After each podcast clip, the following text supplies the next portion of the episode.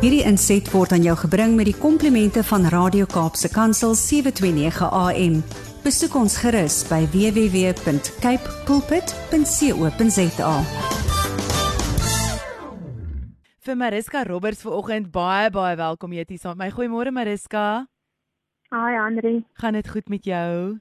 Dit gaan goed. Dit is koud in Bloemfontein, maar dit gaan baie goed. Ja, ek het almal van reg oor die wêreld vanoggend hierso in my studio al gehad. Pretoria sê dis koud, Bloemfontein sê dis koud. Ek het vanoggend vroeg uitgegaan. Dit was 'n bietjie koud hier in die Kaap, maar dis die bloemkoue nie, so ek mag nie kla nie.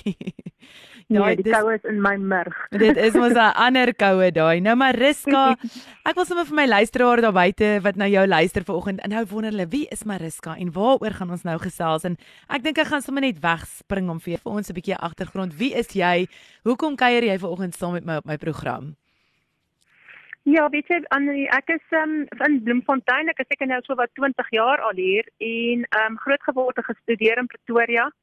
Ek het my eie besighede met gasse in die gasvryheidsbedryf en al daai dinge en ek is betrokke by Therapiakie, wat jy ook van weet, daai huismishandelde dogtertjies in Bloemfontein en verder jaag ek elke dag op en af met my kinders. Ehm um, hoekom ek hier is is ek het 'n boek geskryf oor my dogtertjie en ja, ek dit my storie daarin vertel.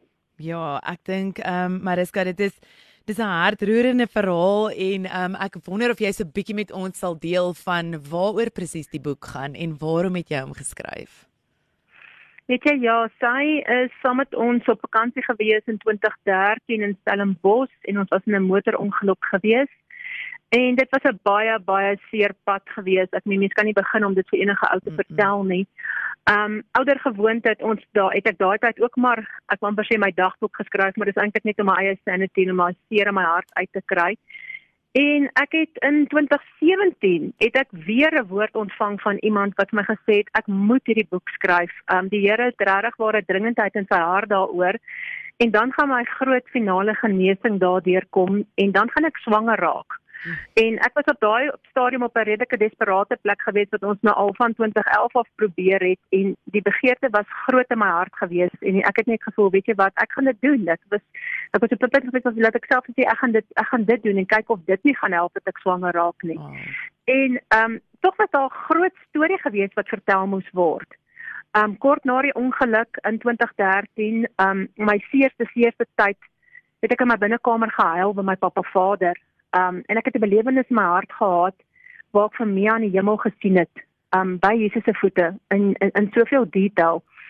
En ek het daai stadium gedink ek is besig om heeltemal van my trolley af te raak. Maar 3 dae later het daar 'n vrou na my toe gekom waarvan terwyl ek gewag het vir die seuns vir die skool met 'n bos pink tulpe. En sy het my gesê dit is dalk vir my bietjie vreemd, maar sy het 'n boodskap van my dat um die vader het vir haar gesê sy moet na my toe kom met hierdie spesifieke blomme, um die kleur, die angel hair, alles in detail beskryf en ek kom sê dat dit wat ek vir my dogtertjie het, um moet sy kom bevestig. En daar's geen manier waar daai vrou kon weet wat wat in my hart en in my binnekamer gebeur het nie. En dit het 'n skuif in my hart gebring. Hmm. Dit het iets kom rustig maak en ek het net geweet en ek het beleef hy is naby en hy's regtig naby in hierdie moeilike storm in my lewe. In daardie jare het ek nog belewenis in nog belewennisse gehad en ek het briewe aan Vader geskryf en ek het gehuil en ek het getreur en ek het gestoei. En ek het al daai goed destyds aangeteken. En na die soveelste mense nou in 2009 2017 vir my sê, weet jy wat, skryf die boek. Het ek dan die moed bymekaar geskraap en ek het begin met hierdie boek te skryf. Um ek het al daai dagboeke gaan uitgrawe en ek het begin om 'n storie te vertel van my seer pad, van my pad van gesond word, van hoop wat in my hart gekom het um, ek brei ook 'n bietjie uit oor die pad wat ons stap met my twee seuns. Mm. Ehm um, wat altyd 'n spiersiekte het en hoe pappa Vader vir ons voorsien in dit en hoe daar altyd 'n draadjie van hoop ehm um, uitstaan in in elke dag wat wat van ons voor lê al is dit hoe moeilik. Mm. Ehm um, later het daar nog en nog 'n paar hoofstukke bygekom en die boek was eintlik klaar geskryf gewees, maar ehm um, toe ons na 9 jaar wat ons geprobeer en geprobeer het, het ons die dag wat ons die eerste draad op die tafel gehad het wat Colette Plessis my vriendin maar weer gehelp het, het ek twee dae later uitgevind ek is spontaan swanger. Ek onthou daai dag soos gister, maar dis ek ek, ek wil so begin huil as ons daaraan dink want dit was so ongelooflike profesie wat tot vervulling gekom het.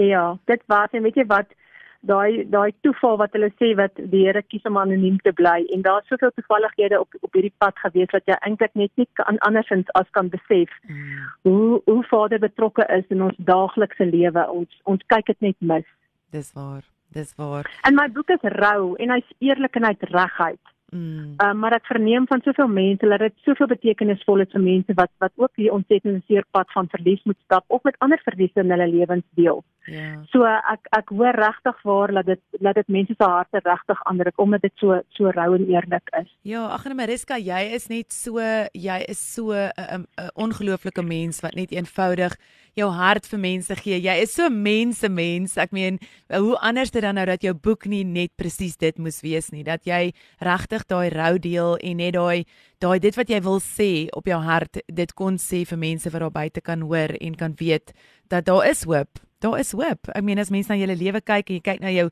pad wat jy met jou seun stap en nog steeds is daar elke liewe dag 'n glimlag op jou gesig en kyk jy waar jy ander mense kan inspireer en waar jy hulle kan help dit is so. Dit is regtig so. Dit is nie elke dag maklik nie, maar weet jy wat die Here gee vir ons bonatuurlike krag om elke dag aan te gaan en en en dit wat op jou bord is mee te deel en en daar's 'n groter plan en ons moet net net dit nooit miskyk nie. Verseker. Nou, uh, Mariska, waar kan mense daardie boek van jou in die hande kry en bietjie meer oor dit gaan lees? Weet jy, die boek is uitgegee deur Lux Verbi en jy kan eintlik enige aanlyn kan jy net intik Mia, 'n ma se storie van verlies en hoop. Mm. Ehm um, en dan kom daar 'n klomp plekke op wat hom wat hom wel beskikbaar het wat jy aanlyn kan bestel. As die ouens nie so so sterk op die aanlyn aankope is nie, kan jy na jou plaaslike bloem ehm um, ehm um, boekwinkel toe gaan en hulle kan vir jou bestel of ek het selfs 'n Facebook bladsy, ehm um, Mia Amase storie van verlies en hoop wat hulle met my kan kontak maak en dan kan ek ook die boek by hulle uitkry as hulle nie by hulle plaaslike boekwinkel regkom nie. Dis maar dis gek is opgewonde oor dit en ehm um, ek gaan ook 'n boek weggee, 'n Mia boek wat ek gaan weggee aan een van ons luisteraars en al wat jy moet doen is jy moet die woord Mia M I A na die Kaapse Kansel um WhatsApp nommer te stuur 081 729 1657 die woord Mia en dan kan jy net leef daarby sit en ons gaan dan 'n gelukkige gelukkige luisteraar gaan ons een van daardie boek eksemplare voorstuur en ons sal in kontak wees en dit sal ek volgende week ook dan nou um, aankondig. So dis 081 729 1657. Maar dis kan ek wil net so afsluit en sommer net vir jou vra wat is wat is die boodskap wat jy daar buite vir enigiemand wil gee wat luister vanoggend met 'n seer hart maar wat wil weet wat gaan vir wat? Weet jy wat ek ek sal begin om te sê dat dit moeilik. Dis 'n on, ontsettende moeilike seerpad. En dit vat tyd en dit vat baie tyd.